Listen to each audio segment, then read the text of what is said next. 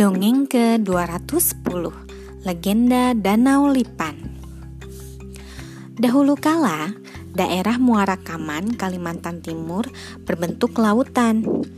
Tepi laut itu terletak di Berubus. Saat itu ada sebuah kerajaan yang pelabuhannya ramai didatangi kapal dari berbagai negara. Kerajaan itu juga memiliki seorang putri yang sangat cantik. Putri itu bernama Putri Aji Berdarah Putih. Kecantikan sang putri terkenal sampai ke luar negeri, bahkan sampai ke negeri Cina. Raja Cina yang mendengar kecantikan Putri Aji Berdarah Putih berniat untuk meminang sang putri. Dengan menaiki sebuah kapal besar, sang raja pergi ke Berubus. Sang putri yang mendengar rencana kedatangan Raja Cina kemudian mempersiapkan pesta penyambutan. Suatu hari, Raja Cina tiba di Berubus. Mereka disambut dengan meriah.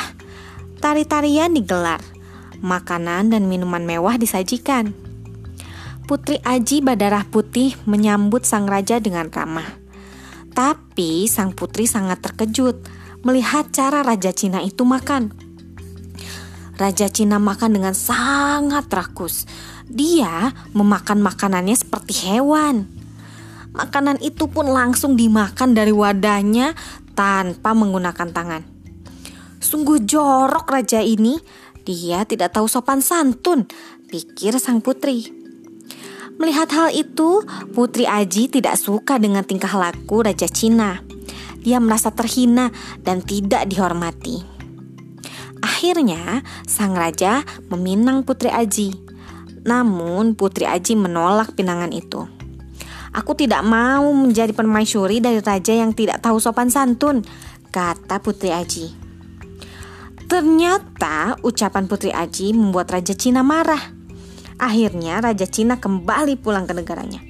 Namun, sang raja menyimpan dendam pada Putri Aji. Dia berencana balas dendam dengan cara menyerang kerajaan Putri Aji.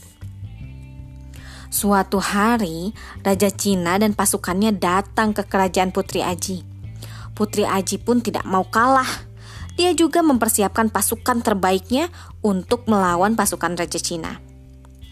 Akhirnya, pertempuran sengit terjadi.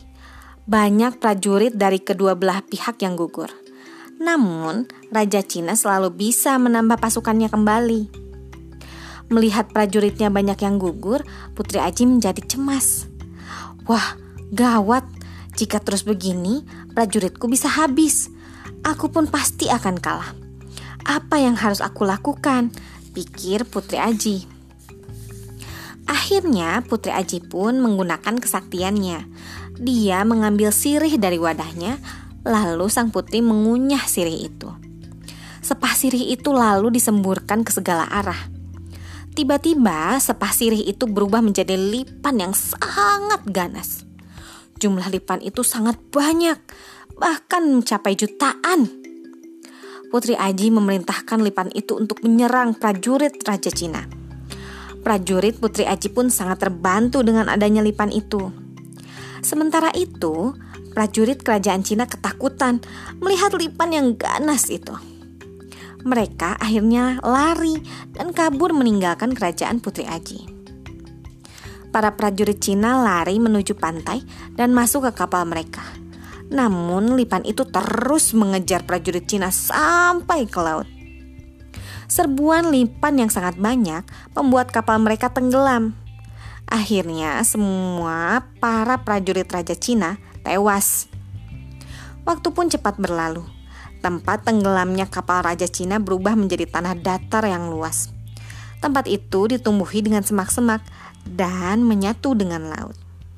Kini tempat itu disebut dengan Danau Lipan. Sekian, terima kasih telah mendengarkan. Selamat malam.